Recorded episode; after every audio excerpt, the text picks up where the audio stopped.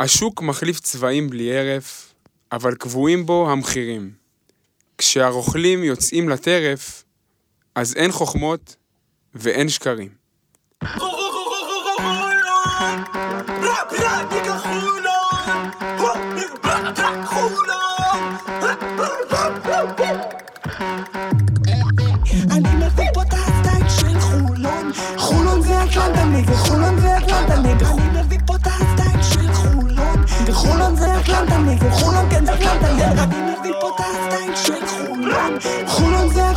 אטלנטה וחולון זה אטלנטה אני מביא פה את הסטייל של חולון. חולון זה אטלנטה כן זה אטלנטה יום שישי, 4 במרץ 22, אולפני המקלט שבחולון, פודקאסט הכל סגול, בפרק, בניגוד למה שנכתב לכם בליינאפים, פרק 37, וואה. פרק 37, שזה כאילו בגילאים כבר משבר, לקראת גיל 40, אתה שואל את עצמך איפה אתה, לאן אתה הולך, איש משפחה, ילדים, לא יודע מה קורה איתך, 37 זה מספר אה, רציני. אז הולך להיות, הולך להיות לנו היום פרק מעניין, פרק, אה, בוא נגיד ככה, בניחוח תרבותי, כיאה לפתיח, קצת נעמי שמר, קלאסה ישראלית, אה, להרים את הרמה. אז ככה, התאוששנו מהטראומה בגביע, שהיא לא הייתה פשוטה לאף אחד, והשתמשנו בשבועות האחרונים כדי לקחת אוויר, להירגע, להתגעגע, והנה אנחנו כאן בפתחו של March Madness החולוני, הולך להיות לנו חתיכת חודש, אה, בפרק שונה, פרק בונוס, אפשר לומר, תכף נבין גם למה. טאבוך, פרק הקודם היה תקופת מבחנים, השם של הפרק הזה יהיה תקופת הסטלבט לפני סמסטר ב'. אה, כבר התחלתי, אבל אה, התחלתי ברגוע, באווירה טובה, אה, כמו הפרק הזה. הבנתי. אתה לא כל כך אופייני לך להיות רגוע באווירה טובה, אני חייב להגיד. חכה, לאט לאט. הבנתי. אדון שובל, איך אה, להיפרד מכביש 2? קודם כל תענוג. יום שישי, נגמרה הפגרה, שמש בחוץ, יש יותר טוב מזה? יפה, יפה. בוא'נה, כולם פה, פה אופטימיים בטירוף. אני, אני ממש שמח על זה. אה, וכעת אה, בואו נראה רגע איזה אורח, שחקן חיזוק הבאנו לאולפן. אה, בחרנו היום באיש שמצליח לשלב באופן מדויק אהבה לכדורסל עם אהבה למכבי נתניה, שזה משהו מיוחד. סוכן השחקנים אביתר לנג, Strong Side Agency, מה קורה אביתר? אהלן חברים, אהלן. מה שלום בן אילם בימים אלה? בני, אתה רואה, נותן בראש. הטיקי טקה. בהחלט, כן. הכי חשוב שנהיה בפלייאוף העליון. זהו, אז יהיה פלייאוף עליון או לא? יהיה חד משמעית. חד משמעית. אז אתה נדבק פה מחבריך באופטימיות. תשמע, האווירה פה בהיכל המקלט אה, עושה את שלה, מה שנקרא. הבנתי. טוב, אז אה, יהיה לנו פרק מעניין היום. אני כמו טאבוך, אני אתחמם בהמשך. יפה. אז אני כבר שמח שאתה קולט את ה... אתה קולט את העניינים כבר מההתחלה. אז יהיה לנו היום פרק מעניין, נדבר כדורסל, נדבר שוק, נדבר קצת סוכנים, ננסה להבין מה זה העולם הזה אה, ולהכיר ולראות מה קורה. כי זה עולם שהוא די זר, אז בואו נמשיך... תרתי משמע. כן, כן. אה, יפה. כן. עולם, של, עולם זר ועולם של זרים. אז בוא, בוא רגע ננסה להבין מה קורה. אה, לפני שככה ניכנס לתוך הנושאים עצמם, אה, בוא נעשה בעבור המאזינים שלנו קצת היכרות אית- איתך, אה, אביתר. אחלה. אה, נצלול למעמקי עולם הסוכנים, אבל קודם כל קצת עליך. תספר לנו קצת עליך ברמת איך הגעת לעולם הכדורסל. אנחנו יודעים שהתחלת כאיש תקשורת. ספר כן. לנו קצת על הדרך ועל התקופה. קודם כל, אני התחלתי ככדורסלן. אני שיחקתי בנתניה עד גיל 19, אני בן, אה, בן המחזור של רביב לימונד, אה, גמרים של נוער, אלוף אה, בתי ספר עם אורט לבוביץ', מקום שני בעולם עם אורט לבוביץ', קצת נבחרת נוער, עד שננו גינזבורג נתן לי את הבעיטה, אנחנו צוחקים על זה עד היום עם ננו, כן. אבל אני הייתי עסקן מגיל מאוד צעיר, והתחלתי לכתוב... נכנסתי לעסקי התקשורת מגיל צעיר, מגיל 14. מי שנתן לי את ההזדמנות הראשונה היה ירון ארבל. אה, אז בסל ניוז, אני לא חושב... לא, אה, אנחנו כבר... שכן, המאזינים, אה, ציבור המאזיני הפודקאסט יכיר את זה, אבל זה היה פורום הכדורסל, היה פורום מדהים של כדורסל עם מיטב המוחות, ובזמנו זה היה הדבר. הייתי, סיקרתי ליגה לאומית, הייתי הולך למשחקים פשוט בחינם, בזמני הפנוי. ההורים שלי היו מסיעים אותי, הייתי מסקר, ולקראת הצבא כבר נכנסתי למעריב. אגב, מי שבאמת הכניס אותי לעולם, ה, מה שנקרא, המקצועי של העיתונות, הוא הכיר המערכת, אוהד הפועל חולון, יצחק וייסוף הגדול, שהוא Mhm. באמת נתן לי את ההזדמנות, איש מדהים בעיניי. אה, ולאט לאט התחלתי אה, להתפתח בתקשורת, הייתי חמש שנים במעריב. אה, הייתי חמש שנים בידיעות, הקמתי עם דסקל את המדור עסקי ספורט, אה, שידוע היום אה, בגדולתו. כן, אה, אני קצת קורא בערוץ הדוק. הספורט, כן. אה, ישראל היום, ואז אה, עשינו את המעבר מה weak side ל strong side. או, יפה, אתה כבר מדבר במונחים המתאימים, אז תספר לנו קצת על המעבר מעולם העיתונות לעולם הזה של... לתוך שוק השחקנים והעיסוק כסוכן, איך זה קורה, קודם כל מה מביא אותך כן. לזה, ואיך זה קורה בפועל. אני חושב שזה איזשהו משהו שנבנה אצלי הרבה זמן. איזשהו משהו, זה שילוב של רצון לעבור, לעשות משהו אחר, חדש, אחרי שהחלטתי שהפרק של העיתונות נגמר מבחינתי, אה, בגלל השחיקה הכלכלית שהייתה בעניין הזה, והרצון שלי להתפתח. אה, הדלתות שהיו, ש, שידעתי שהיו פתוחות בפניי בעולם הזה, אה, ו, וחיבור עם כל מיני אנשים שדחפו אותי לעשות את זה. אה, והאמינו בי, והחלטתי לעשות את הצעד הזה, אה, כי ידעתי שאני הולך לפתח פה משהו שאני הולך להצליח פה לאט לאט בגדול, לבנות את עצמי. אתה יכול לשים אותנו על ציר. הזמן? כן, אני חושב שב-2017 אה, ישבתי בבית קפה עם, אה, הוא לא אהב שאני אספר את זה, אבל אני אספר את זה כי אה, יש לו קרדיט גדול בזה. אה, חבר ילדות שלי, אה, צביקה מנדלייב, שהוא אחד הסקאוטרים הכי גדולים, לדעתי הכי טוב בישראל by far. אה, והוא הדליק אותי, מה שנקרא, הדליק אותי, ומאז נכנסתי לזה חזק. אה, אני לא ציפיתי שאני אשאב לזה כל כך אה, חזק ומהר, אבל כשאני עושה משהו, אני עושה אותו, אין אצלי, כאילו... all in. כן, בדיוק, זה ב-all in. ולאט לאט, תראה, את רוב הענף אני מכיר, זאת אומרת, אני מכיר טוב, כי סיקרתי אותם הרבה שנים. את רוב היושבי ראש, את רוב המאמנים, את הג'י.אמים. ועם החספוס, אני בתקשורת סיקרתי המון כדורגל, הרבה יותר מכדורסל. אוהבים את זה פה, למרות שהייתי, כן. כן, כן, אחלה, אני, יודע, אני, אין לי ספק. אז uh, החספוס הזה שנוצר לי בכדורגל, עם האנשים בכדורגל, החספוס הזה שנוצר לי כעיתונאי, עוזר לי המון בעולם הסוכנות בכדורסל. כי הכדורגל זה הרבה יותר ארדקור, uh, מהרבה בחינות של העסקנות, של ההתעסקות, של הפולישטיקים, אם נרצה לקרוא לזה ככה. Uh, וזה... העסקנות שם מביאה רייטינג, ובכדורסל היא לא מעניינת. נכון, בדיוק. זה ממש נכון, אגב. אה, אני מכיר את זה לפי הצפיות באתרים. בדיוק.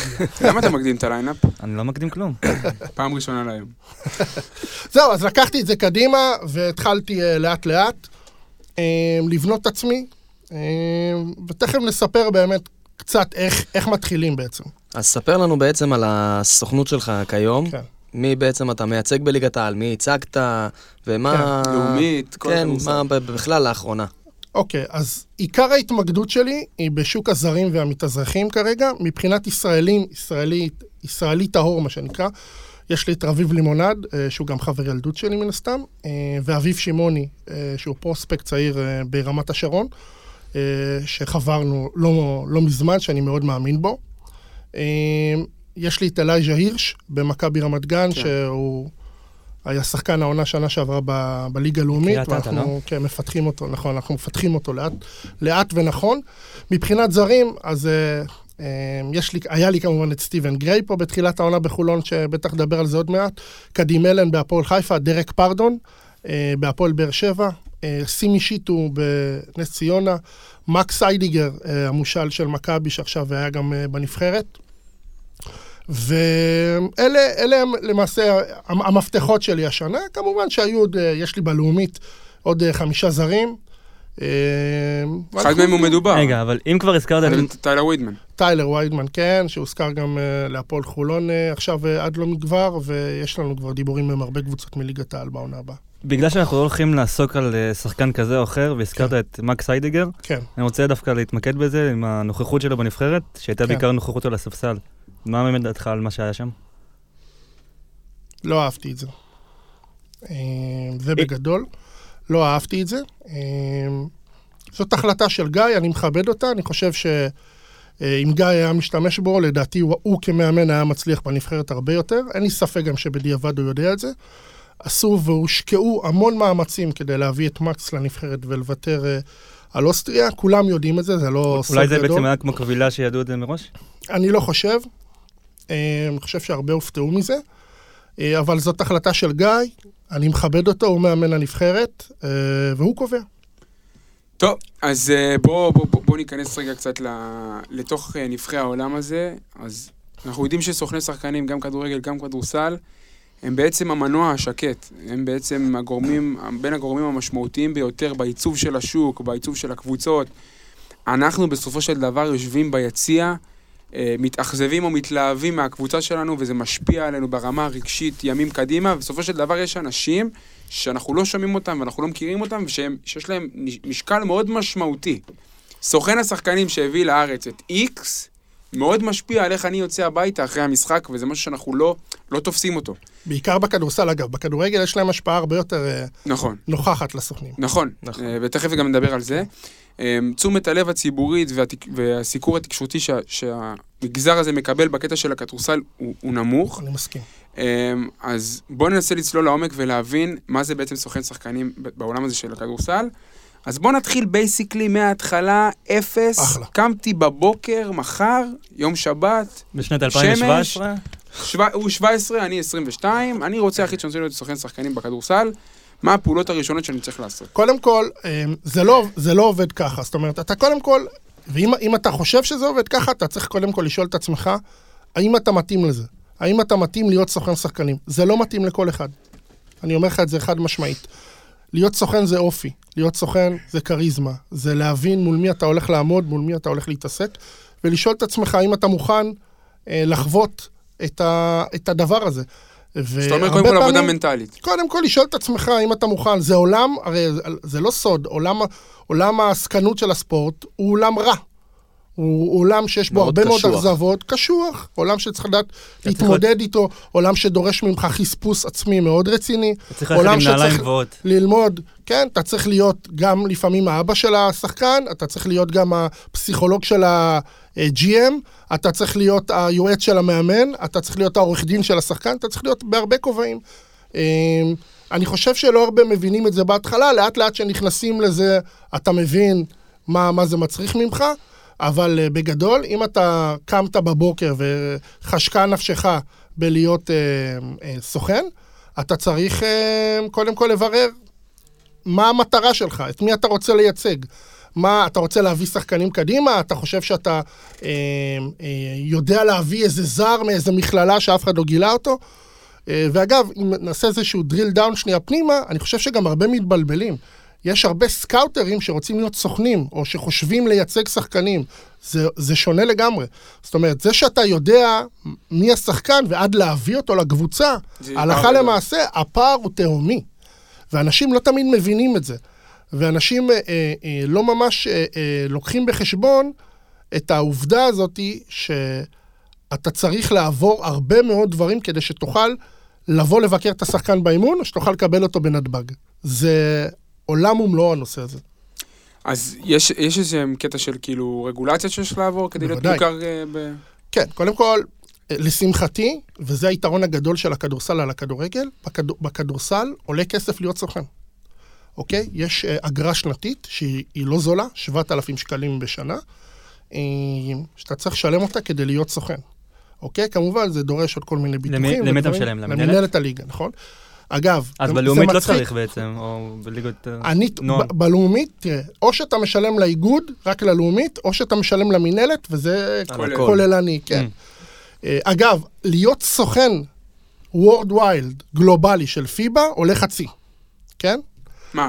להיות- חצי משבעת אלפים? חצי משבעת אלפים, כן. אלף, אלף, אה, אלף פרנק שוויצרי. אה, ולכן המינהלת גם אה, עושה, אה, יש חוק שאתה לא יכול להחתים שחקן בישראל בלי סוכן ישראלי. תמורת האגרה שאתה משלם, ואני בעד זה, דבר, אני, אני חושב שזה, שזה נכון. זה נקרא החוק הצרפתי, כי זה מתנהל גם בצרפת באותה קונסטלציה. אה, ואני חושב שזה? מדלל, אני חושב שזה מדלל את השוק בצורה טובה ונכונה גם. בכדורגל, לעומת זאת, לא, אבל זה גורם מרתיע? כל אחד יכול ה-7,000 להיות. חד משמעית, האלה, כן, הם- כן. הם גורם מסנן? בוודאי, בוודאי, עובדתית כן. אמ, בכדורגל למשל, פיפ"א לפני 4-5 שנים, היא ביטלה את, ה, את הצורך במבחן, להיות סוכן שחקנים, היה מבחן, היית עושה מבחן באנגלית של פיפ"א, אפילו אם רצית להיות רק בישראל, כן? והיא ביטלה את זה, וכל אחד יכול להיות סוכן, כולל הכלבה החמודה שפה מחוץ לאולפנים, היא יכולה לייצג שחקן אם הוא רוצה. זה מצחיק, והמאמנים סובלים מזה בכדורגל, אגב, סבל נוראי. בכדורסל, לשמחתי, זה פועל עדיין אה, בצורה טובה. עכשיו קיבלתי אישורים, רישיונות, שילמתי את האגרה, הכל בסדר. איך אני משיג לקוחות, שחקנים, איך אני ניגש, למי אני ניגש, איזה קבוצה, אוקיי, איך מתחילים?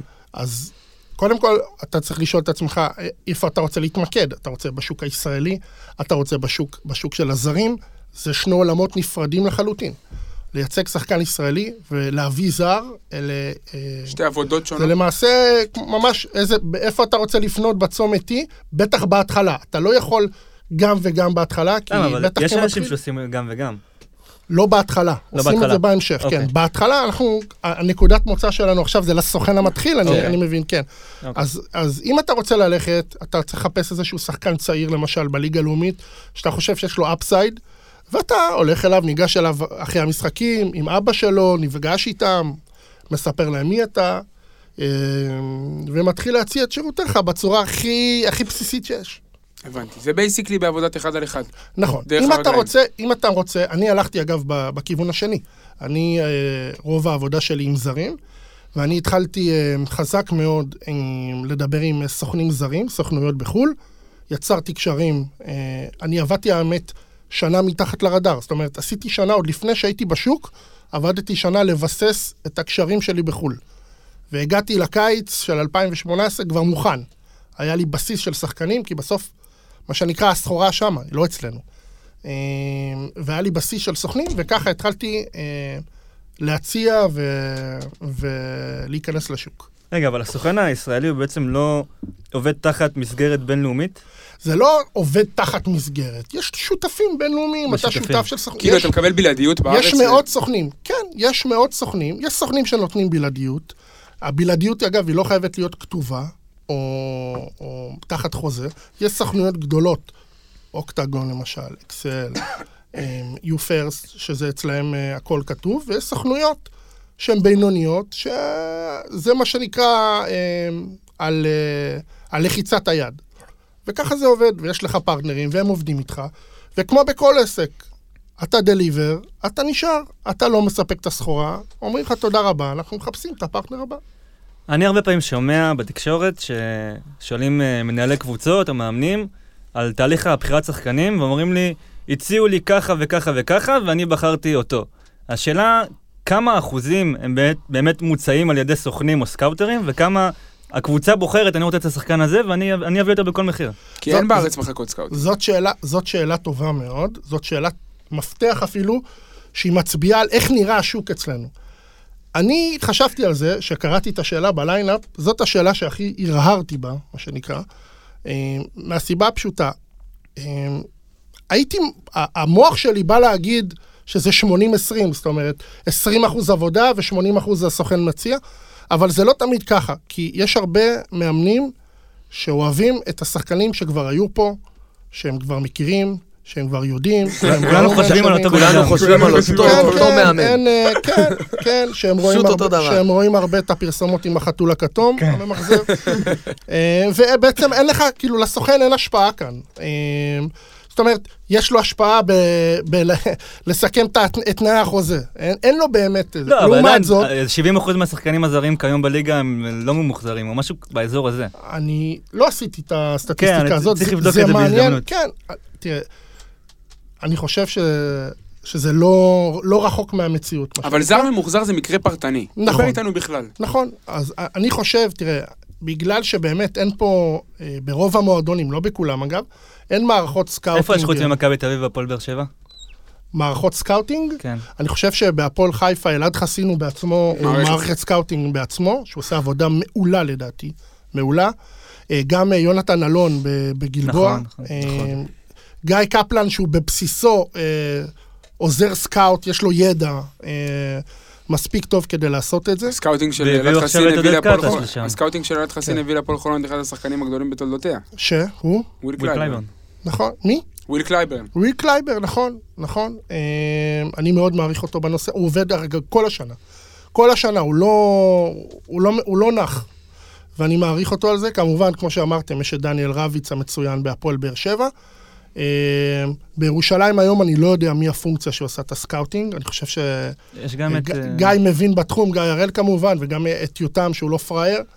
אה, אבל זה לא באמת מערכות scouting. אני אפתח את השאלה. אני אפתח כן, את השאלה. כן. סת- סתם נניח, וזו שאלה מאוד היפותטית. כן. עכשיו אנחנו ראינו, אני יש לי מחלקת scouting בקבוצה, כן. והמחלקה איתרה שחקן שמשחק נניח ביפן, כן. ומלבד שם פרטי, שם משפחה, קליפ ביצועים, סטטיסטיקות, הם לא יודעים עליו שום פרטים, לא יודעים מי הסוכן שלו, לא יודעים כלום. יש דרך להגיע אליו? חד משמעית, איך? בקלות. קודם כל אתה רואה מי המאמן, נגיד ביפן, אם כבר אה, נגעת ביפן, רוב המאמנים הם לא יפנים, הם מאמנים אה, אמריקאים, סרבים כאלה.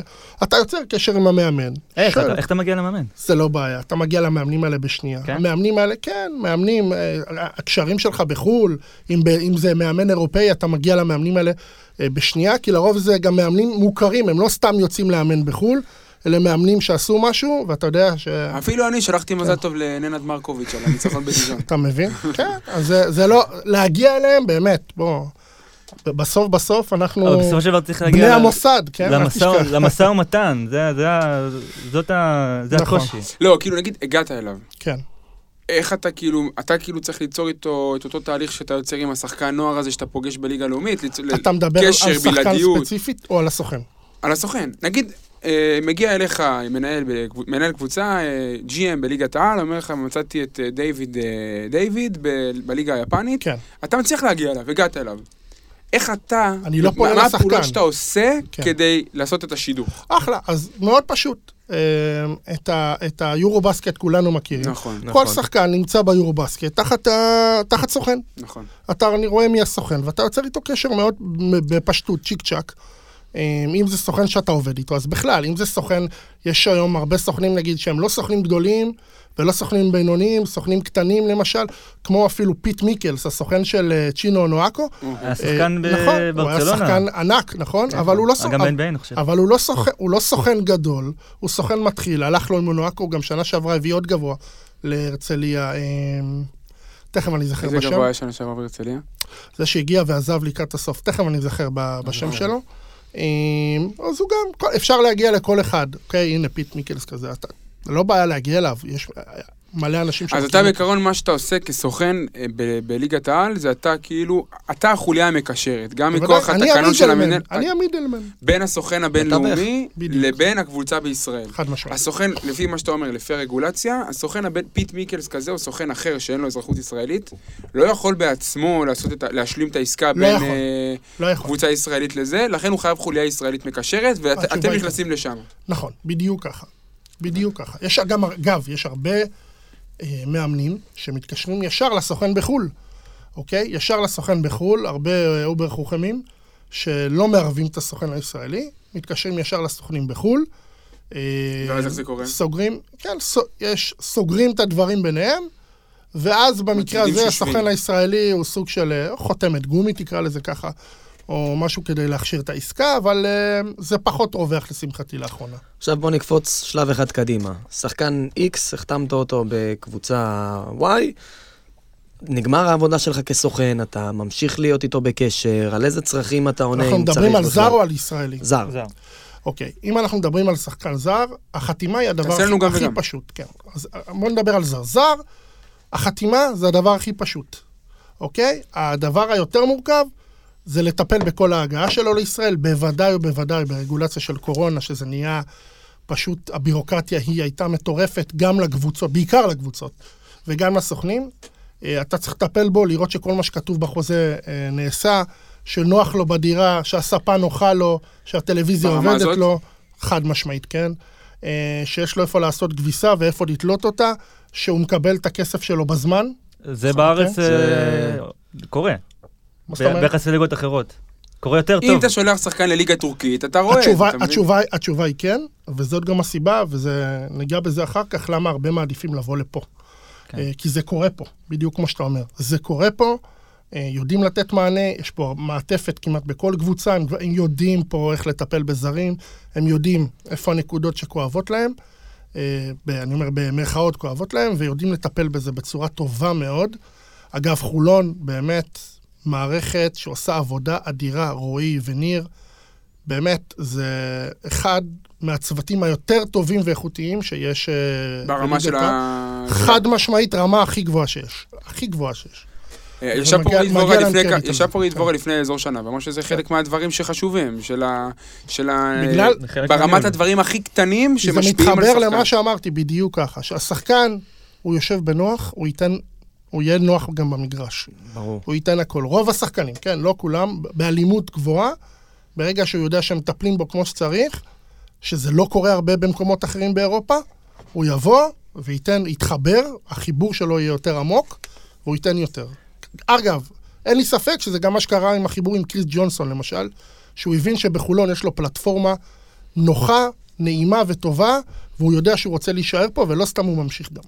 אני רוצה אה, עוד להיכנס לנושא הזה, אה, בנושא, במקרים של אה, פציעות גבוליות. תמיד אומרים, הסוכן בחיים לא נותן לנו לשחק, או דברים כאלה. שטויות. כמה הסוכן באמת מתערב? נניח, סתם לדוגמה, היה בפלייאוף האחרון, אני רוצה להתייחס לחולון, קריס ג'ונסון, היה לו איזה חשד לזעזוע מוח. כן. סוכן צריך להתערב במצב חד כזה? משמעית לא, יש צוות רפואי, אוקיי? הצוות הרפואי של הקבוצה, לא, נגיד, הוא הבחנה קובע של... יש. הבחנה של צוות רפואי. אבל זה יש הבחנה של חשש צוות רפואי להחמרת ש- פציעה. ש...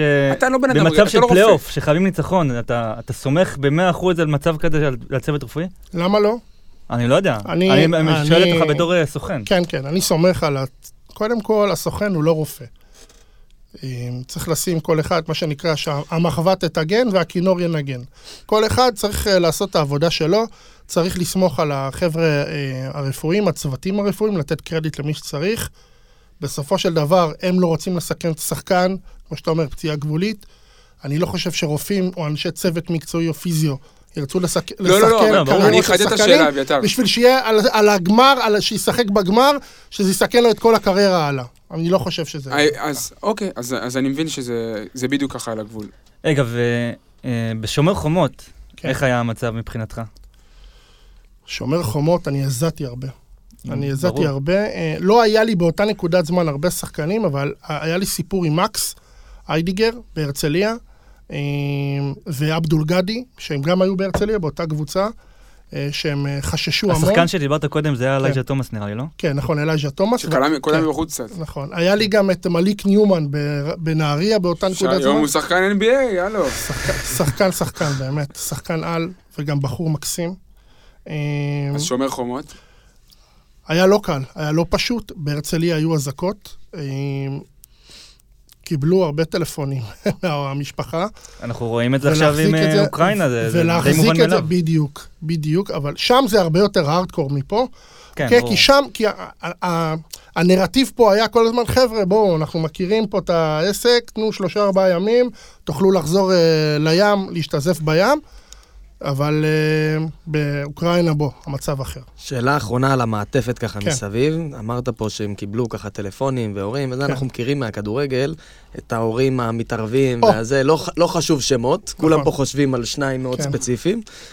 אה, כמה באמת מהפ- יש הפרעות, במרכאות, כן. מהמעטפת של השחקן במקרים האלה? אז דיברנו קודם על שחקן זר, מה קורה ברגע שמחתימים. שחקן ישראלי זה אופרציה אחרת. אתה צריך לנהל אותו, לפעמים את האבא ואת האימא במקביל, אוקיי? זאת גם הסיבה שאני בוחר כרגע, מבחינת השקעת האנרגיות שלי, לא להיות במקומות האלה. זה חלק מהתוכנית התפתחות שלי כסוכן בתקופה הקרובה, אבל זה דורש הרבה יותר אנרגיות, הרבה יותר זמן. אתה צריך להיפגש עם שחקנים. אני מאוד מאמין, עוד פעם, אני חושב שאם אתה לוקח שחקן ישראלי, כי אתה מאמין בו ואתה רוצה לפתח אותו, אתה צריך להיות הרבה יותר ממעודדת בשבילו. אתה צריך להכווין אותו, אתה צריך להסתכל על הקו התפתחות שלו, כי אני חושב שהרבה פעמים במהלך העונה, הסוכן הוא בסוף לא משחק, השחקן הוא על המגרש, ואתה צריך לתת לשחקן כלים שהוא לא מקבל מהמאמן. לתת לו יחס לדברים שהם בדריל דאון הרבה יותר פנימי, דברים קטנים כאלה, שעושים לו את השינויים. רגע, אבל שחקן ישראלי כן. משלם לך שכר על כל התהליך הזה, או אה, רק עכשיו, בזמן עכשיו, עסקה? עכשיו בוא, אנחנו מדבר, נכנסנו לנושא הכלכלי, כן, שזה, יאללה, שזה. סיפור עצמי. לא, Show זה- me זה the פשוט, money. אה, אני, מעניין אותי. אז, אז כן, אז, אחלה, גם אותי. לא, אני רואה את רוי דופק לי מבטים על ה lineup, לא, לא, לא, בגלל אני זה אני ככה אני- מסתייג. לא, לא, אני אוהב שלקח את הפיקוד. אוהב את זה. אחלה. אז אני, בוא נדבר על כסף, בסדר? אה, כי זה לא סוד גדול. כשאתה מחתים שחקן זר, יש לך לרוב עמלה של חמישה אחוזים מהחוזה של השחקן, כי חמישה אחוזים אחרי- אחרים אתה נותן לשותף שלך. יש בסוכנויות גדולות, החלוקה היא יותר לרעתך, 60-40, 70-30, תלוי. ככה זה עובד עם הזרים. עם הישראלים, העמלה היא 5.70 5.25 אחוזים מהחוזה של השחקן, שזו עמלה מאוד נמוכה, מאוד נמוכה. ביחס לעבודה שאתה צריך כן, להשקיע. ו- והיא ברוטו, ויש גם את הנושא של המע"מ, שזה אחרי מע"מ, כאילו. שזה לדעתי עיוות אדיר, אדיר בפרנסה של הסוכן מול השחקן הישראלי, וזה גם מביא אותך לעשות שיקול של value for money, אוקיי? אני אומר את נכון. זה בצורה אמיתית. אני, אני רוצה להשקיע, זה עסק, זה הפרנסה שלי, תיתנו לי להרוויח מזה כסף. אני חושב שכיום קיים עיוות מאוד רציני בתגמול של הסוכן מול השחקן הישראלי, אה, וזה רע מאוד בעיניי, זה דבר ראשון. עוד אה, נדבך שלדעתי הוא בעייתי, העמלה של הסוכן היא, היא לא, היא לא אה, נמצאת כחלק מערבויות הבקרה התקציבית, זאת אומרת שגם אם קבוצה קורסת, אה, אין הגנת שכר על העמלה של הסוכן, וזה משהו שגם מפריע לי, כי אנחנו משלמים כפול מעמלת אה, פיבה גלובל אה, להיות סוכן, ואני חושב שזה מגיע לנו לפחות הדבר הקטן הזה, ואני גם מתכוון, אני מתכוון אה, לפעול בנושא הזה. אני חושב שהרבה סוכנים רוצים, רק לא, לא ממש יודעים איך. אה, וזה נושא מעניין. אז אפרופו בקטע הזה של ה... אגב, עוד, עוד משהו קטן, סליחה. עכשיו פיבה הפכה את הקלפים, אני לא יודע אם אתם קראתם או יודעים, אבל פיבה עכשיו שינתה את החוקים. משנה הבאה היא רוצה שבאירופה יהיה כמו ב-NBA, שהשחקן ישלם את העמלה לסוכן ולא המועדונים, וזה הולך להיות נושא סופר מעניין. אני הרבה מאוד סוכנים שהולכים לי הודעות מה קורה בישראל, איך זה הולך לעבוד בישראל. אני לא חושב שהרפורמה הזאת תצלח בשנה הראשונה, אני חושב שזה ייקח זמן. אה, מעניין, יהיה מעניין כן, יהיה. מעניין לראות, כי עכשיו שהשחקן צריך לשלם לסוכן, בוא, זה- זה זה כבר טורף. טורף את הקלפים של השוק. אבל אני עדיין לא הבנתי, אתה מדבר על ליווי במשך כל התקופה שהוא משחק. לא רק אה, במעמד החתימה והלכת הביתה. ברור. אתה מקבל שכר רק במעמד החתימה, או בכל התקופה רק הזאת? במעמד החתימה, מה זאת אומרת? אתה- אז אתה מקבל שכר במעמד החתימה, ואתה מחויב אליו. במשך כל החודשים שהוא משחק בקבוצה, כן. עדיין להיות, אה, לתת לו את השירות. בדיוק, אתה מבין? שזה גם סוג של, של אה, עיוות מסוים, אתה לא מקבל, כאילו, זה לא מענק חתימה, זאת העמלה שלך. וה-value של money, השעות עבודה שאתה משקיע בפיתוח של השחקן, הן משתלמות רק אם הוא באמת מגיע למעלה, אוקיי? עכשיו, לא כל אחד מגיע למטה, ואתה השקעת הרבה שעות. צריך להיות איזושהי נקודת איזון יותר נכונה לסוכנים, כדי שהם יוכלו להשקיע באמת ב... ו... ולהיות מתוגמלים. זה לא, לא בושה, אני לא חושב שאף אחד פה, אתה יודע, מנסה להיות איזשהו חזיר או משהו, הכל. אני חושב שגם, אגב, גם, גם קולות שאני שומע מיושבי ראש ואנשי אה, כדורסל בארץ, הם כבר מבינים את זה, הם יודעים את זה. גם אל תשכחו שזה גם לא מה שהיה פעם, היום ההורים הרבה יותר מעורבים, השחקנים רוצים ליווי הרבה יותר צמוד, אה, כל שחקן היום רוצה גם אה, אה, הכוונות כמו מאמן אישי, או איזה שהם אקסטרות כאלה, אתה יודע שאתה גם צריך לדאוג לפעמים לדברים האלה. זה מצריך ממך הרבה עבודה, הרבה זמן, ואתה צריך להיות מתוגמל בהתאם כדי שתוכל לתת את כל כולך לשחקן. אז ברמה הזאת תן לי רגע, מבחינת אה, סדר עדיפויות, כן. דיברנו על כסף, דיברנו על כדורסל, דיברנו על, על כל השוק. בתור סוכן כדורסל, מה, מה יותר חשוב? להבין כדורסל ברמת X's and O's? אה, להבין אה, דיני חוזים, עולם המשפט, העולם הכלכלי, או פשוט להיות כריש באחד על אחד במשא ומתן? לא, אתה חייב שילוב אה, את המשולש הקדוש הזה. אתה אבל- חייב. אבל למי יש את המשקל הכי גדול? בדיוק. אז למי יש את המשקל הכי גדול? לאיזה אני, אלמנטים? אני חושב, אני חושב שסוכן שבונה את המנגנון שלו נכון, הוא מצליח. אני למשל עובד עם יקיר המערכת שלכם, רועי רוזן, שהוא חבר אישי שלי, הוא העורך דין שלי. אני שם את יהבי המשפטי אצל רועי רוזן, מספר אחת בארץ לדעתי, אה, והוא האוטוריטה המשפטית אצלי. ואתה כדורסל. אני, כן, אני, אה, אני מתעסק גם במשא ומתן, גם בפרונט אופיס, מה שנקרא, וגם אה, גם מול השחקן. וכמובן, לדעת לעבוד עם אנשי מקצוע נכונים, ושוב פעם, אני גם, הרבה מהדברים שאני מביא לפה, הם עוברים את העיניים של, של צביקה מנדלייב. הזכרנו הרבה את הענף המטונף הזה עם הדשא, ובאמת, הסוכנים שם, כולם יודעים את כל הערבוב שקורה שם. אה, סתם לדוגמה, כשעבדתי באתר ספורט אה, בארץ, שהוזכר השבוע בנסיבות לא נעימות, אה, אז בקיץ כל שחקן שחתם בהפועל אום אל-פחם, אז היינו מחויבים, היינו מחויבים לשים את התמונה עם הסוכן. ה-Welcome הגדול, כן, ה-Welcome עם הסוכן. זה משהו שלא קורה בכדורסל. אגב, זה לא רק זה, טאבו, תסתכל גם אפילו, אתה רואה את הדברים האלה, זה נהיה אופנה, גם באתרים נגיד, בדאבל פאס, שזה אתר של הליגות הנמוכות, זה ליגה הכי- א'. זה הכי אין- קורה בליגות הנמוכות, אין, יותר נכון, מליגת העל, נכון. זה- זה קורה ב- ב- בשכלה. אז למה נכון. בכדורסל אנחנו לא יודעים איך אתם נראים? אני חושב שזה, שזה טעות שלנו. אני חושב שזה, שזה אחריות ש, שאנחנו, אני מסתכל על עצמי, אני מדבר בשם עצמי. לא, נגיד רגע סתם, מתן סימנטוב אה, עלה לכותרות- לכותרות ויצא. לתקשורת עם דני אבדיה, שזה מקרה מאוד מאוד חריג ופרטני, אבל ברמת העיסוק לא, היומיומי... ו- ובכדורגל היום אני מעריך שלרוב, לא לא יודע אם רוב, אבל המון שחקנים בגילי נוער מיוצגים על ידי סוכן. בכדורגל היום בגיל 14-15, בקבוצות הבכירות, מכבי תל אביב, מכבי חיפה, הפועל, נכון. וכן הלאה, מגיעים בגיל 14-15 סוכנים למשחקים כל שבת, כן. מוצאים את האחד, שתיים המאוד מוכשרים, פונים זה לא להורים, קורה, נכון? לא, מדברים. זה קורה היום כבר. זה, קורה? קורה? זה- זה קורה יותר היום. הציד אה, נעשה בגילאים יותר מוקדמים היום. אבל בקטע התקשורתי, כן. בקטע התקשורתי, אני, אני חושב שאנחנו צריכים לקחת אחריות. אה, מי שבאמת, מי שחפץ בזה, אוקיי? אגב, לא כולם חפצים בפרסום הזה. לא כולם, זה- השאלה... לא, זה אני לא לא מבין את פרסום ההבדל, לשם למה פרסום. במקום אחד זה ככה אני ובמקום אחר אסביר זה לך מה אני אחרת. מתכוון. זה לא פרסום לשם פרסום, זה לא פרסום של אה, אביתר לנג יחתים שחקן איקס במועדון כזה, אז יופי, שיראו זה. חיזוק המעמד, אתה זה אתה ברמה מבין. של כאילו, סוכן נתפס במה- כמשהו מאוד אפלולי, לא, אני, מאוד אני אגיד לך, נכלולי. אתה שואל אותי, והדרך שלכם כן. כ- כציבור הסוכנים לשנות טיפה, זה כן. להראות את הפרצוף. לא, אני, אני- אני, אני רוצה להבין איך אתה רואה את זה. אתה רואה את זה כמשהו חיובי או שלילי? אתה חושב שזה חיוב, אתה רואה את זה לחיוב שבכדורגל הם ככה מייחצנים את עצמם? אה, לא, אני חושב שבכדורגל, דפוסי, הדפוס בכדורגל, בגלל שהכדורגל הוא הרבה יותר תקשורתי מהכדורסל, הסוכנים מרגישים שהם צריכים להיות יותר חלק מהביזנס הזה. להבדיל בכדורסל, הסוכנים, כמו שאמרתם פה, הם יותר אנשי צללים כאלה מאחורה, וזה גם יוצר סקרנות והכל, כי הסוכנים, אני לא מרגיש דחף לשבת אה, עם אה, יובל רוסמן ואלעד חסין אה, ולעשות וולקאם שיראו אותי בתמונה שהחתמתי את קדים אלן. זה לא ייתן לי כלום, אני, אין לי את האגו הזה, זה לא, זה לא יקדם אותי לשום מקום. כולם בענף יודעים, ואם אתה מייצג... בלי שאני אגיד מילה, מי הסוכן שהחתים כל שחקן, בין אם זה אה, שחקן נוער ל-12, לא, אבל הזר הכי טוב בקבוצה, אני מבטיח לכם. אם היית מייצג יותר שחקנים ישראלים, זה היה משפיע?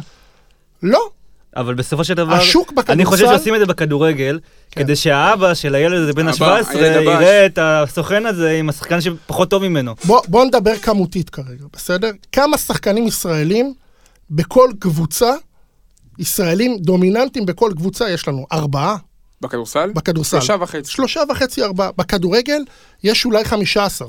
אתם מבינים? זה שוק אחר. זה שוק אחר. זה, זה, צריך להבין, הפרופורציות הן שונות לחלוטין. זה לא אותו דבר, אי אפשר להשוות את זה.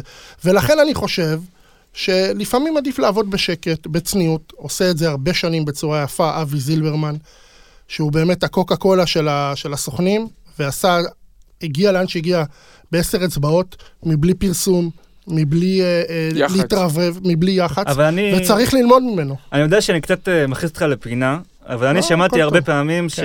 שמתלוננים, כן. שמאמנים מסוימים, רמי כהן אמר את זה, שמאמנים בוחרים שחקנים בגלל הסוכן שלהם. אתה חושב שיש בזה משהו? תראה, אי אפשר להתכחש לזה, ש, שזה דבר שהוא קיים, בוא נ- נרצה את זה, בין אם לא. אה, ברגע שיש לך סוכן שאתה מכיר אותו ועובד, שהוא מייצג גם לך אותך כמאמן. כן, אבל אני חושב שמאמן שיש לו אינטגריטי, יודע להגיד, גם עם הסוכן שלו, תראה, בסופו של דבר זה אינטרס של שני הצדדים, של המאמן, בואו ניקח דוגמה נקודתית, מאמן ו- והסוכן שלו, המאמן צריך שחקן, אוקיי? שייקח אותו קדימה. אם, אם הם ייקחו שחקן רק בגלל שהוא הסוכן שלו, והקבוצה תיפגע מזה, שניהם הפסידו בסוף.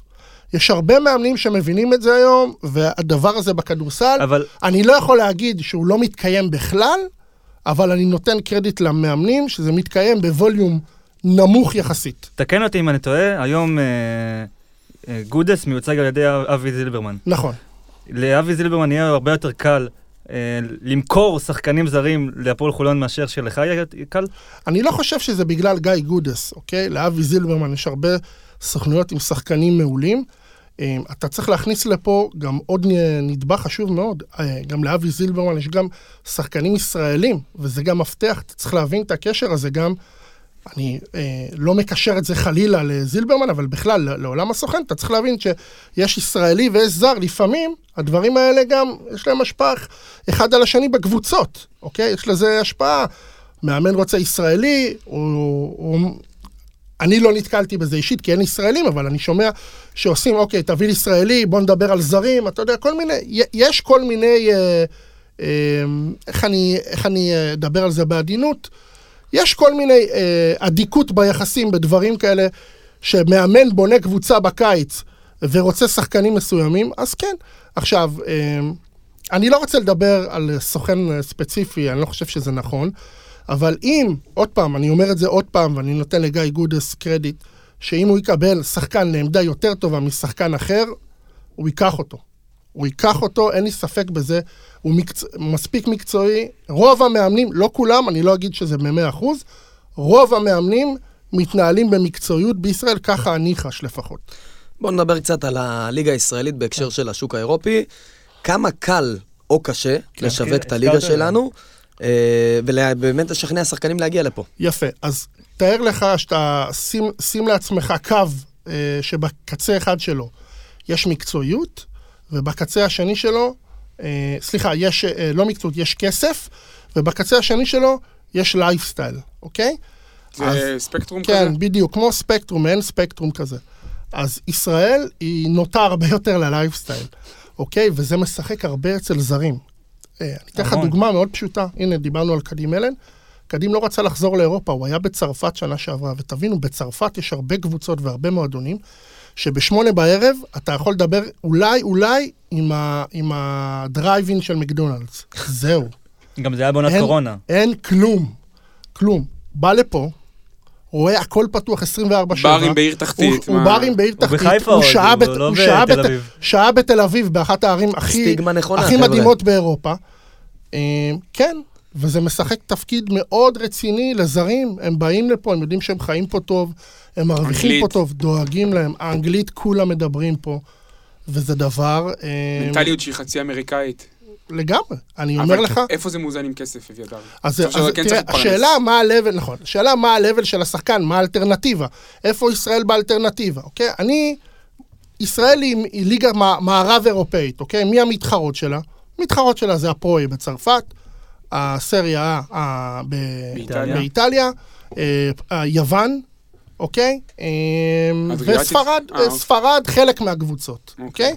חלק מהקבוצות. אה, דווקא ואני- אין הרבה חפיפה בין אה, זרים של הארץ לזרים בספרד. אני מסכים. אני מסכים, בגלל זה ספרד גם אמרתי... שחקנים ב- שפה פה כוכבים, טוקוטואים, שכתוב להם על המצח ליגת ווינרסל, בספרד לא עושים כלום. בעיניי ספרד זה ארץ כדורסל שהיא שונה לג... לגמרי. אגב, גם גרמניה, אוקיי, גם הבונדסליגה בגרמניה, היא לא אינדיקציה. מבחינתי היא התאמה חלשה ל... לליגת העל למה. אבל? כי שם יש הרבה מאוד זרים, רכבות של זרים מתחלפים. האיכות זרים צעירים הם אוהבים. כן, האיכות בליגה הגרמנית מעבר לשלוש-ארבע קבוצות לדעתי נמוכה. אה, וההתפתחות של השחקנים, היא לא קורית שם בגרמניה. ישראל, היא נחשבת גם למקפצה מאוד רצינית של אז בוא זרים. הרמת באמת לו ניקח. את אה, הפועל חולון כמודל. אנחנו מכירים באמת את המוניטין שיצא, אם אנחנו מסתכלים על וויל קלייברן שהתקדם לדארושפאקה וצ'סקה והכל, וולדן לפרטיזן בלגרד, יורוליג, נכון. ג'יימס בל, מרקוס פוסטר, נלך עוד אחורה, דנסטון וכל שאר השמות שבאמת היו כאן. כמה באמת זה מיתוס, או כמה זה באמת עוזר להפועל חולון להביא שחקנים. ולשווק את עצמם. חד משמעית. חולון, גם הפועל אילת, הפכה למייצאת כזאת. נכון. אה, שהרבה זרים שמגיעים לשם אה, עושים קפיצות אדירות קדימה. אה, זה לא רק שזה עוזר, זה מכריע. כן, אני אומר לך חד משמעית.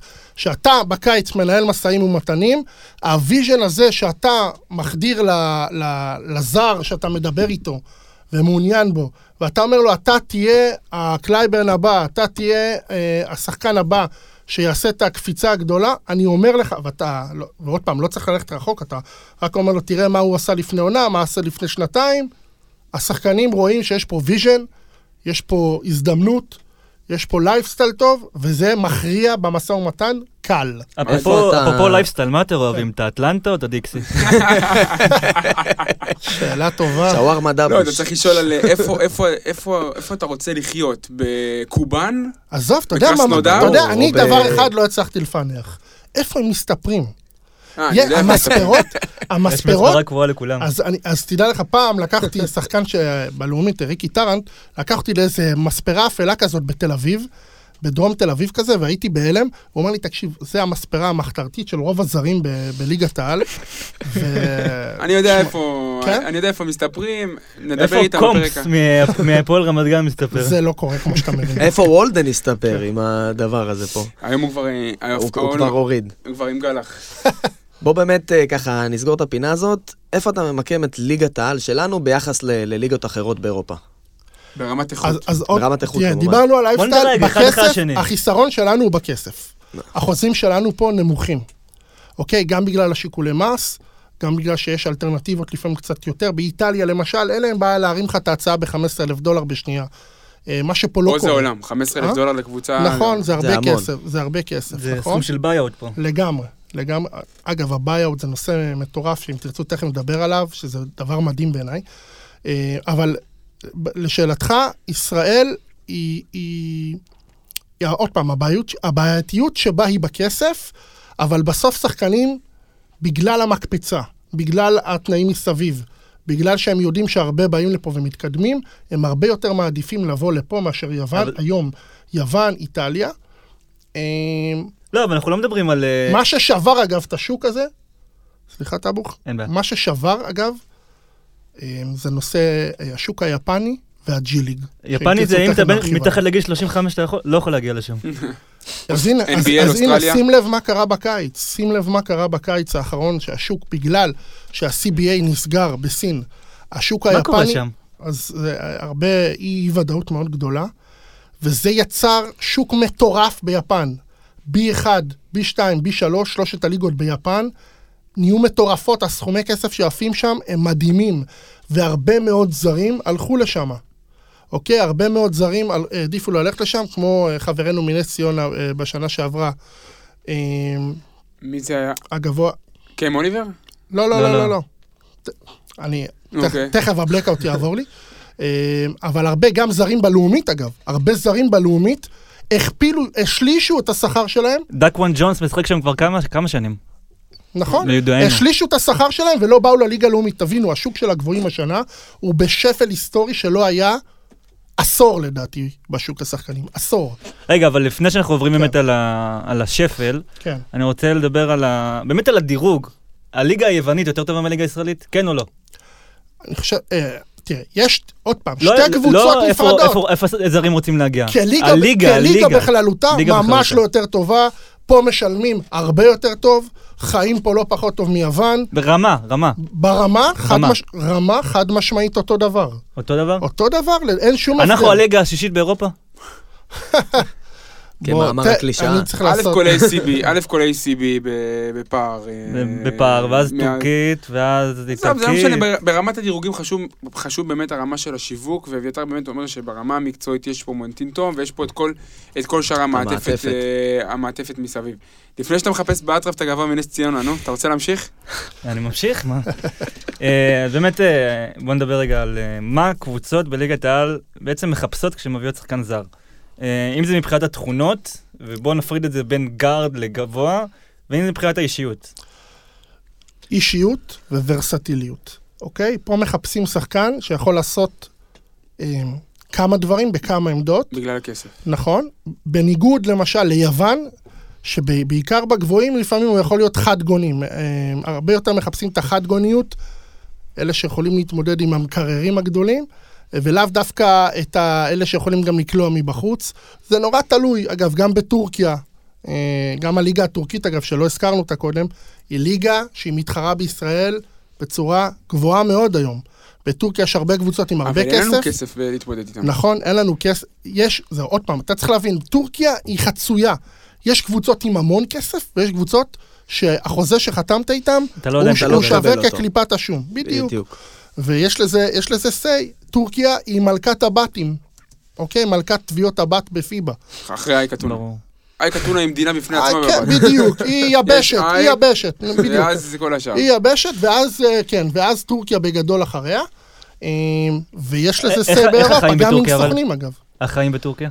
אה, עוד פעם. קם יש- בבוקר, רחת לקום, חמם. לא, יש מקומות בטורקיה מעולים, ברובד איסטנבול. נכון, ויש כאלה שגרים בכפרים, אה, שרק פיני בלילי יכול אה, להסתדר בהם. אגב, החוב זה ג'רום מיינסי, ג'רום אה, מיינסי. מי- אה, מיינסי. נכון, הוא אחלה שחקן.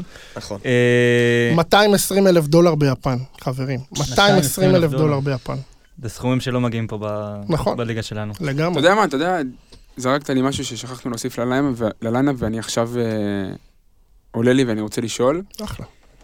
למה, דיברנו על, על הכסף של הסוכנים, למה אני צריך אה, צוות חקירה בשב"כ כדי לדעת כמה שחקנים מרוויחים? גם בישראל בפרט, וגם בכלל. עכשיו, אני קראתי כתבה של אה, דונטה סורבונס, הליטאי, על, הס- על התקציבים ביורוליג. אוקיי. חלק מהקבוצות לא משתפות פעולה, חלק מהקבוצות כן משתפות פעולה, וכן יודעים כמה משלמים, ולא יודעים כמה החוזה שלו, ומנסים להצליב מקורות ואינדיקציות, ואז ב-NBA יש לך שחקן, מספר 15 ב roster של ממפיס, אתה מקליט את השם שלו בגוגל, ואתה רואה כמה הוא מקבל, מעכשיו עוד חמש... אבל. למה באירופה זה לא קורה? אתה אומר למה התרבות פה שונה? למה אין שקיפות ב- זה- בגובה זה החוזים? תרבות בכדורסל, זה לא תרבות, כי בכדורגל האירופי או בישראלי, יודעים, אתה נכון, יודע בדיוק, יודעים. חתם על איקס, חתם על יש וואי. גם את האתר הזה בכדורגל שכולם יודעים, אה, כתוב מה החוזה של? ה Transfermarkt. כן, כן, יודעים, כן, נכון. כן. אה, למה בכדורסל אנחנו לא יודעים מה הגובה של החוזים? אה, יעקב מאיר ישראל היום מפרסם ב- בתחילת כל עונה בערך איזושהי כן. הערכה עם כל וגם הקבוצות רק הבכירות. של ה- אני- שלוש קבוצות, אנחנו לא. יודעים.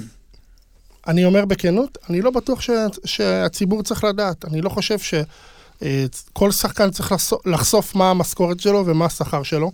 צריך גם בסוף לשמור על איזשהו מודל של פרטיות עבור השחקן, אני לא מדבר כרגע על אוקיי. המסחריות. אמ, אני חושב שהציבור צריך לדעת להסתפק במה תקציב הקבוצה. איך היא מחלקת אותו ולמי היא נותנת, זה, יש, יש פה איזשהו אלמנט של צנעת הפרט, שאני חושב שגם צריך לדעת להשאיר אותו שם. ואני לא, אין לי טענות לקבוצות שלא משתפות עם זה פעולה. אני אומר בכנות. הבנתי. אבל התפקיד של העיתונאי, כמו יעקב מאיר, זה לחשוף את זה, זה, זה תפקידו, זה, אני מקבל את זה ב, לא בצורה, זה נ- מרגיש לי סוג של טובה. מסתוריות כזאת, ואני פשוט מסתכל על בסדר. NBA, ואני לא משווה חלילה, אבל כאילו זה... שאל את עצמך שאלה פשוטה, רועי. האם היית, האם, האם, האם היית רוצה שבמקום העבודה שלך כולם ידעו כמה אתה מרוויח? יש מצב, אולי זה... לא, אבל הקטע שבמקומות אחרים, באותו ענף, כן. רואים את זה. זה לא מקומות אחרים. אמרת, ציינת, זה בארצות הברית. אז לא באותו ענף, באותו ספורט, בספורט ב- בכללותו, אנחנו רואים, בעיקר ב- ב- באמריקה, אבל אנחנו רואים שמפרסמים. כן. ו- ופה אנחנו לא, זה לא קורה.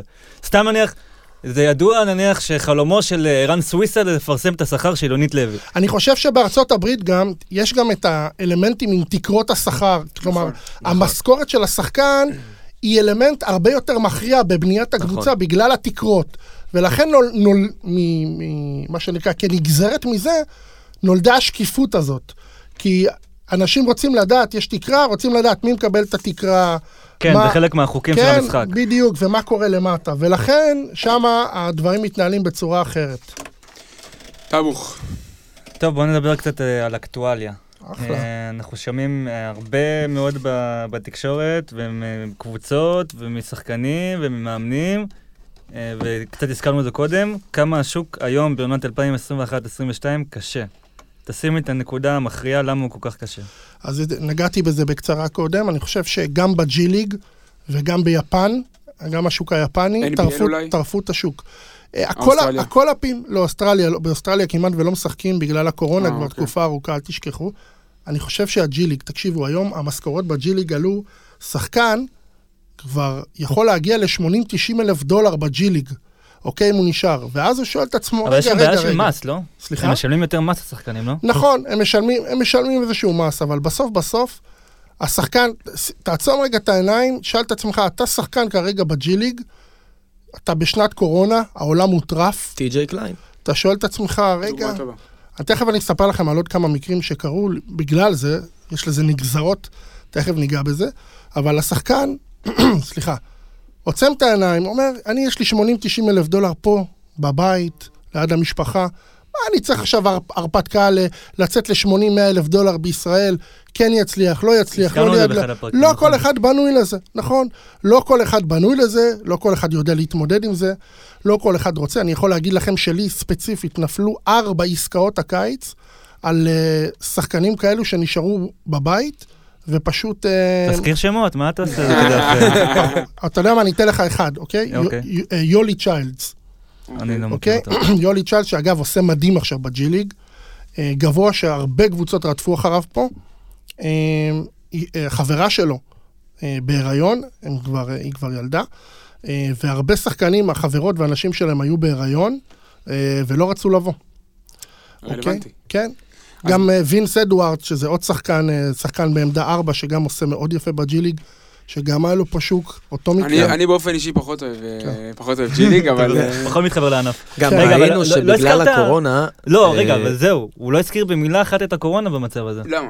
כי לא, הרבה שחקנים קיבלו כן. צ'אנס ל-10 day contract, או לא משנה מה, כן, ב-NBA. הפ- כן, אבל הכל הפעמים זה קרה בשלב יותר מאוחר של הקיץ. נכון. קרה שכבר בארצות הברית האומיקרון התחיל להסתבך שם, והפרוטוקולים השתנו ב-NBA, והתחילו, התחילה, זה היה ממש, הקולאפים, זה, זה היה מטורף, זה היה איזה שבועיים, שלושה, זה היה מזעזע. שכן, חצי מהג'י ליג עלה למעלה ל- כן, לקולאפים. נכון. זה הדאיג אותך? בתור סוכן? כן, זה- כן. זה ב- פוגע זה- בך ישירות. כן, זה, פ- זה פוגע בי בגלל שהרבה שחקנים, אמ, שאני לפחות עקבתי אחריהם, אנחנו עקבנו אחריהם אה, כמתאימים לשוק האירופאי, עכשיו שמה שנקרא, הם, הם, הם נגעו בזה, הם, הם גירדו את זה רגע, אה, יהיה להם יותר קשה לעשות את ההחלטה לבוא. אתם צריכים להבין, חברים, ואני משתף אתכם פה בעוד רזולוציה אחת פנימית, שחקן שעוד לא היה באירופה, לסוכן מאוד, הסוכן האמריקאי שלו, מאוד קשה להוציא אותו לאירופה. מאוד מאוד קשה לגדול לו את החלום של ה-NBA, כי אתם, אתם צריכים להבין זה רגע. שינוי מובן, תפיסה. זה לא רק כן. שינוי תפיסה, הסוכנים שם הם, הם הרבה יותר, האמריקאים הם מוכרים את החלום. הוא מוכר את החלום לשחקן שלו, אומר לו, אני אקח אותך ל-NBA, ואנחנו, יש לי קשרים פה, ובקבוצה הזאת, ועם הג'י.אם הזה, ופה ופה ופה, ובסוף, מה שנקרא, אה, בוא, אה, אני אגיד לך- התקשר אליי אביה, my partner from Israel, called me, אה, נס ציונה and הפועל ירושלים offered uh, on the table. משהו שאמרתי באחד הפרקים, שזה מתקשר לפה, כן. שראיתי איזה קטע משידור של משחק של אוקלאומה, וסקוטי אופסון שיחק שם. נכון. ואז השדר הקריא את הרשימת קבוצות שהוא- שיחק באירופה ובאוסטרליה ובכל העולם, והוא התייחס אליו כמו אל גיבור מלחמה. נכון. הם מתייחסים לזה כ- כגבורה. לשחק אגב, מחוץ לארצות הברית. יש גם פודקאסטים, ואגב, אני רואה את זה המון באינסטגרם לאחרונה. אנחנו רואים גם את מייק ג'יימס מתעסק עם זה לא מעט נכון. בטוויטר. ה- ה- ה mind האמריקאי לבוא לאירופה, זה לא פשוט לאמריקאים. חברים, זה לא פשוט להם לבוא לפה עם כל הנוחות, ועוד פה, אוקיי? עם כל הנוחות, וכל הכריות, וכל הפינוקים. זה לא פשוט להם לעשות את המעברים האלה. אנשים באים מאמריקה, מהמון מקומות. אוקיי? דיברנו אה, לפני שהתחיל הפודקאסט על הקוסקוס של אימא ועל המפרום, אז שם אין את זה, אוקיי? שם אין את התמיכה הזאת, ויש הרבה אנשים שבאים ממקומות לא פשוטים בארצות הברית, והם מוצאים את עצמם פה מתמודדים לבד, וחברים, תבינו, זה גם ילדים בסוף. נכון. באים לפה- ריצ'רדסון כן. הגיע לפה בגיל 23, עם אה, נכון. אישה וילד קטן. נכון, זה המקרה, לא הילד של אימא שעולה לי בראש, זה זה המלס. כל הזמן נכון, דיבר על נכון, אימא שלו, אימא. שלו, אימא שלו. זה- זה היה ממש ואיך ילד של אימא אימא. של איזה המיילס צריכה לחיות שהוא חוטף רקטה אה, 200 מטר מהבית. שלו, כאילו, זה מטורף. עזוב 200 אין לנו מטר, אפשרות לשפוט את זה, כאילו. הוא היה ב- באותה מסעדה, איפה שנפל בחולון. נכון, נכון, נכון.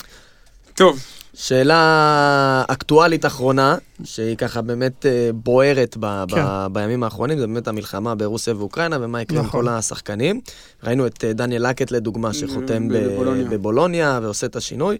האם השוק באמת רותח עכשיו עם כל השחקנים וכל מה שקורה שם, או שזה עוד לא, עוד לא שם? אנחנו ראינו גם היום את די.ג'יי קופר, ששיחק באוקראינה, חתם בהרצליה. וארצ'י גודווין וארצ'י שהגיע גודווין שהגיע.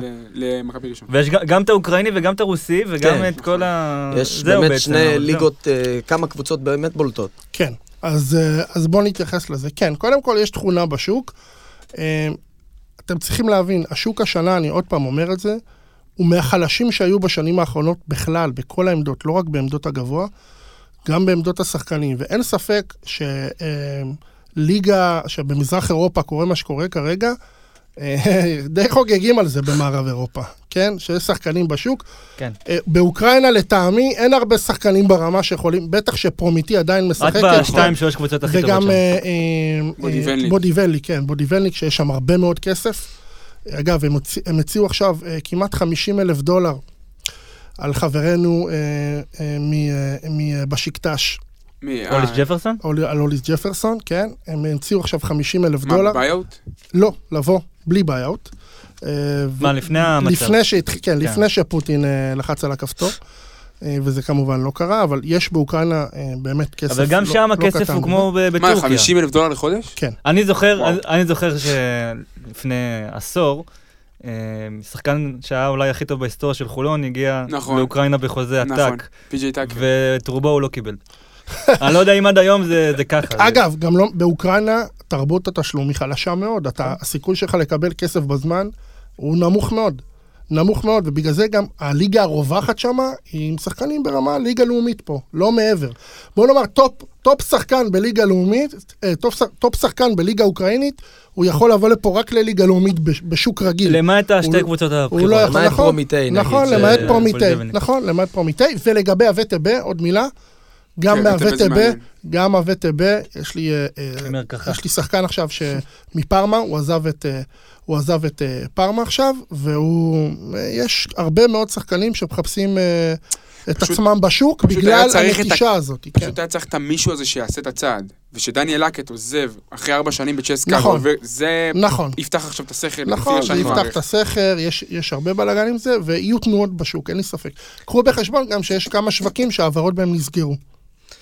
טוב, באמת, לפני שאנחנו ככה מסיימים, כל פעם שיש לנו פה אורח, יש שאלון התקלות. או-אה, יש או-אה. לנו ככה ארבע שאלות, יאללה. אה, קצת מתקילים, תשובות קצרות, ונרוץ על זה. אז באמת השאלה הראשונה, אה, תהיה השחקן הכי underrated שהצגת. לדעתך, מי שהכי הרגשת שהוא underrated. underrated? כן. אני אומר שרביב, לדעתי, הוא לא מקבל את הכבוד שמגיע לו. יפה. כי הוא גדל, זה בגלל יותם- יותם אלפרין בעצם, לא? אני לא חושב שזה בגלל יותם. תמיד אבל היה בצל שלו. אני, אני גם עם זה לא מסכים, אני לא חושב שהוא היה בצל שלו. אני חושב שלא כיבדו אותו מספיק מבחינת הפרסונה שהוא הביא אני והדברים שהוא הביא. למשחק. שחקן עם התקרה הכי גבוהה שאתה מייצג היום. שאתה מייצג היום. כולם אה, היו בניי, אני אבל... חושב, אה, כן, עם, עם התקרה, אני חושב שמקס איידיגר יש לו אפסייד מטורף. וגם קדים אלן אגב, וגם דרק פרדון. שלושתם אני... הליגה עם. מוסר התשלומים הכי גרוע. הכי גרוע? הכי גרוע. וואו, תחרות פה גבוהה. תחרות פה גבוהה. אה, פולין, יוון. אה, פולין דווקא? כן. פולין, יוון, אה, והחלק התחתון, החלק התחתון של טורקיה. והליגה עם המוסר התשלומים הכי טוב. הכי טוב? כן. גרמניה לדעתי. וגם פה, פה משלמים, אגב, אין בקרת תקציבים בהרבה מדינות ב- בעולם. אבל פה כמה הבקרה היא באמת אה, משמעותית? כי אנחנו רואים, נגיד, בכדורגל את כל הדיבורים, בקרה תקציבית, כן, עם בקרה מאור תקציבית. בוזגלו, נכון. כמה זה באמת, אתה יודע, יש קבוצה שעכשיו לא יכולה לשלם, לוקחים מהבקרה כסף, תראה, מעבירים יש לשחקן. לא יכולה לשלם, שזה מושג אה, רחב. יש לא יכולה לשלם נקודתית, ויש חדלת פירעון. כן. הערבויות יכולות לצאת מהבקרה שיש חדלות פירעון, זה הכל. לפני זה, אם הקבוצה מאחרת בחודש או אפילו בחודשיים, הוא לא יקבל את הכסף מהבקרה, אלא, אלא אם, ה, אם היושבי ראש של הקבוצה, אם העמותה מבקשת מהבקרה לחלט הערבויות. טוב, אה, רגע, יש לי עוד- שאלה-? שאלה מתקילה. נו, אה, תן. לנו שם של שחקן שהיה קרוב מאוד להפועל חולון, לאו דווקא שאתה הצגת אותו, ובסוף לא הגיע והפך באמת לכוכב גדול. עולה לך מישהו? אמ, איך הוא מתקיל אותו כל פעם. לא, לא, לא, אין לי מישהו כזה.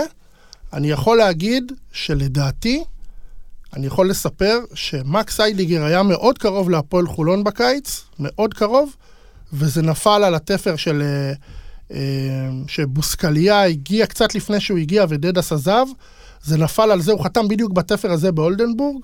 דדס רצה אותו? כן, אני חושב, כן, דדס דדס רצה, רצה אותו. דדס רצה אותו, ואני אה, חושב, אני חי לדדס. בתחושה שהחיבור הזה יכל להיות פה היסטרי. יפה. עוד משהו, הנה, הוצאת כותרת. זהו. עוד משהו שאתה רוצה לג- לגבי הקטע הזה, לפני שנחזור רגע ל- ל... רגע, יש לנו עוד חוב קטן לגבי הביי-אוטים שרצית להגיד משהו. נכון. אוקיי, זה דווקא חוב קטן, אבל חוב גדול ומעניין. אתם יודעים שבכדורגל, עוד פעם, אנחנו כל הזמן עושים את ההגבלה הזאת, אבל... כן, אני לא יודע איך אני מרגיש עם זה שהזכרנו פה את המילה כדורגל בין כמה 70 פעמים. ל-90 לא, אבל זה סוכנים. לא, כאוהד בג- בית"ר בכלל, לא בגלל יודע שאנחנו עוסקים באמת בעולם הסוכנים, אז צריכה, ניתן את ההגבלות האלה שעוזרות לנו באמת לתת לנו פרספקטיבה. בכדורגל, כל עסקה כמעט היא עם buyout. אין עסקה נכון. כמעט בלי buyout בכדורגל. בכדורסל זה משהו שלא רווח עם השנים, היה מאוד חריג. היום, בגלל החוסר של האיכות בשוק, היו מלא עסקאות עם buyout, מלא מלא מלא במהלך השנה. שאנחנו רואים גם אצלנו בשנה. וזה. מוביל, חברים, וזה מוביל לגל התחמשות מוקדם. אנחנו רואים גם חולון, גם הפועל תל אביב, שכבר התחילו לעבוד, אני יודע על עוד מועדונים שמתחילים להחתים כבר עכשיו לשנה הבאה. אנחנו כי, מברכים על זה. כן, נכון, והן לא מחכות זה גם מה לקיץ. שחסר לכדורסל הישראלי. נכון. ההמשכיות. אתמול. האוזמן אמר בחמישיות, בחצי ציניות, אבל אמר, כאילו התכוון, שהפועל תל אביב צריכה לקבל בונוס על כן, הפעולות האלה.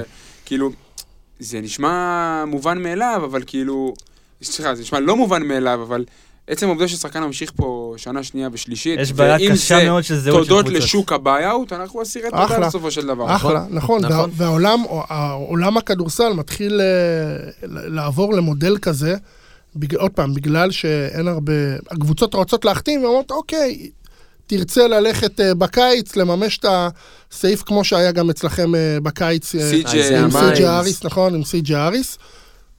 וזה אחלה, אני חושב שזה נכון לכל הצדדים, והעולם הופך להיות ככה, אה, וגם המועדונים מרוויחים מזה כסף.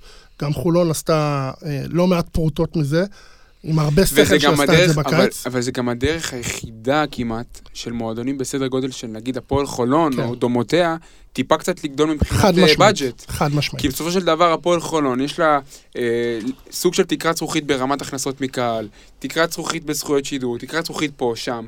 אז לתמרץ לפתח- קבוצות להשקיע זה בסקאוטים. לא לתמרץ, זה לפתח את המודל העסקי שלך בכדורסל, ואני חושב שזה נכון מאוד. גם אל תשכח שבכדורגל, עוד פעם, יש כרטיסי שחקן, הם שווים כסף. נכון. בכדורסל אין את הדבר הזה. אין למועדונים יכולת אה, לעשות פה עסק כלכלי אמיתי. נכון. יש כאלה שיגידו שזה רע, ויש כאלה שיגידו שזה טוב.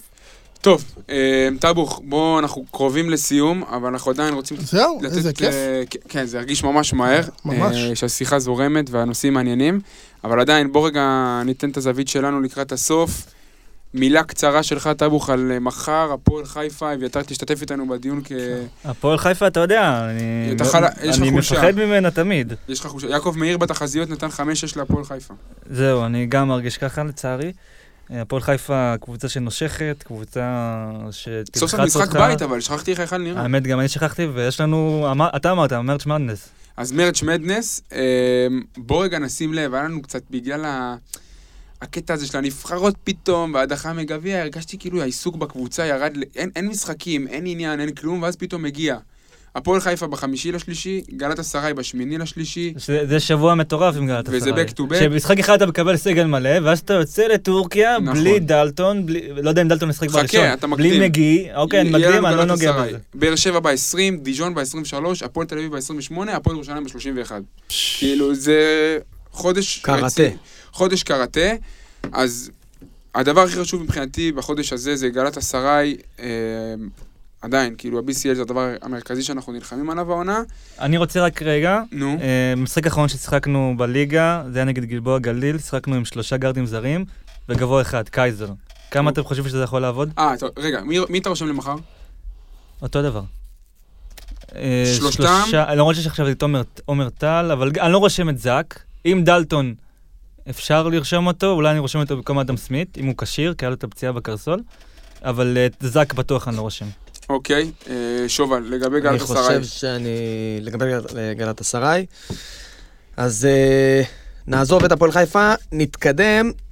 בגדול גלאטסראיי, עשינו עליה את כל הפרק אה, BCL, top את ה- 16, את מכירים. את ה... זה, יש לה כמה דברים שהשתנו. גם אז דיברנו על הדשדוש שלה בליגה, היא ממשיכה לדשדש. אה, נמצאת כרגע במקום השביעי, 12 ניצחונות, 9 הפסדים. אה, הודחו מהגביע בחצי הגמר. כן, ראיתי את המשחק. מזכיר קבוצה אחרת שמדברים עליה פה הרבה. אה, הפסידו לפנר 66-49. 49. תוצאה שמזכירה עוד קבוצה שמדברים עליה הרבה פה. אה, אבל היא הביאה גם שני שחקנים.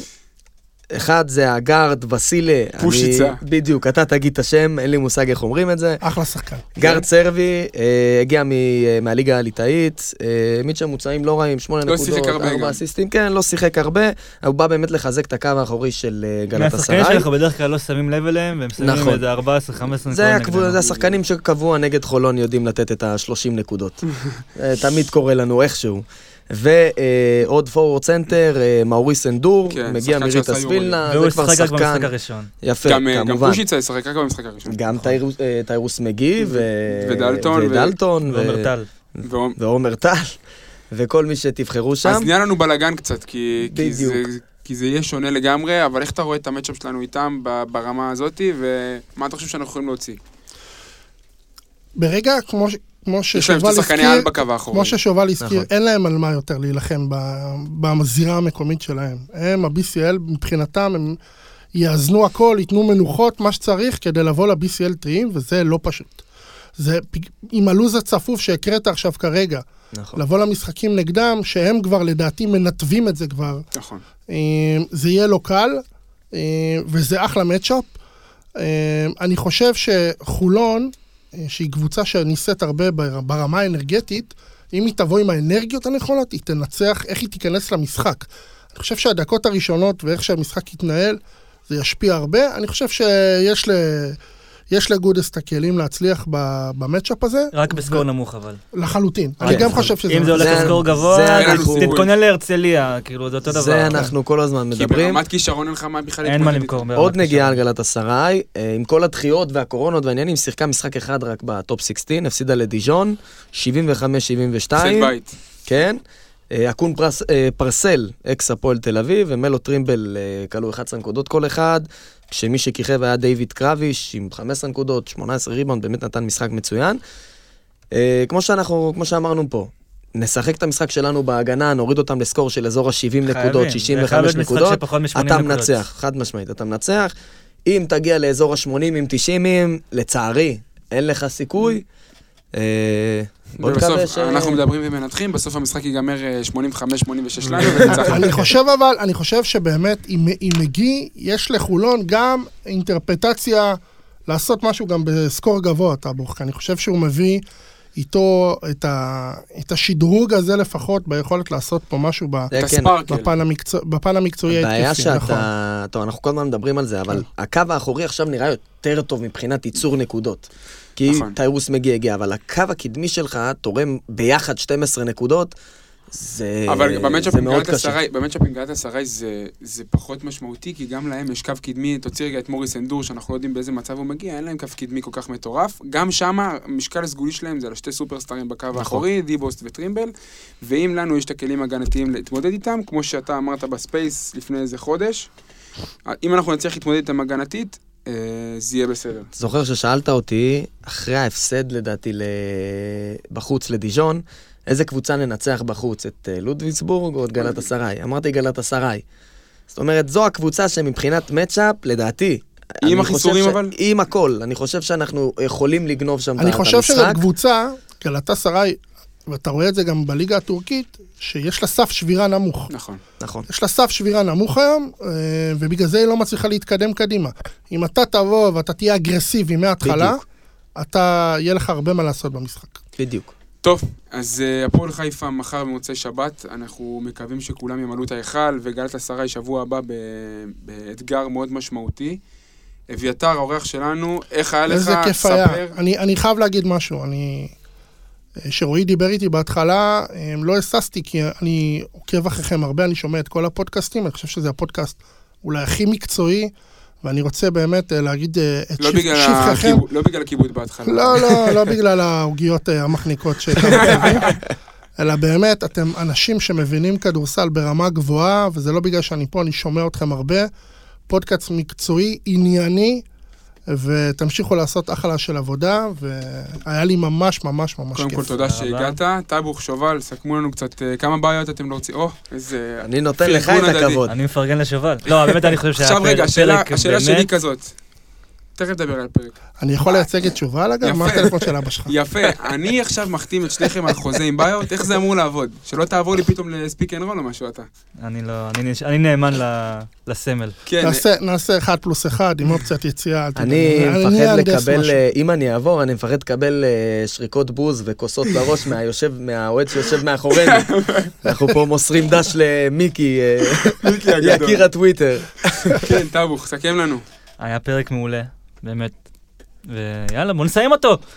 איך אתה לא אוהב? אני אוהב את לא- של אני לא את הסוף. אני לא אוהב את הסיומות, אני לא אוהב את ההתחלות, אני אוהב את הבין לבין. אני- רגע, היה נעמי שמר בהתחלה, מה אתה נותן בסוף? בסוף אני אומר למאזיני הכל 50 סגול, שיהיה אה. לכולם סוף שבוע מוצלח, פתיחת שבוע למי שישמע אותנו ביום ראשון מצוין, היה לנו פרק נדיר, ויאללה חולונים. חולון זה הסטייל, חולון זה דיבור, חולון זה חול שרמוטה וואלה אני מכור. חולון זה הסטייל, חולון זה דיבור, חולון זה חול שרמוטה וואלה אני מכור. אני מביא פה את הסטייל של חולון. חולון זה אטלנטה נגד חולון זה אטלנטה נגד אני מביא פה את הסטייל של חולון. חולון זה אטלנטה נגד חולון כן אטלנטה נגד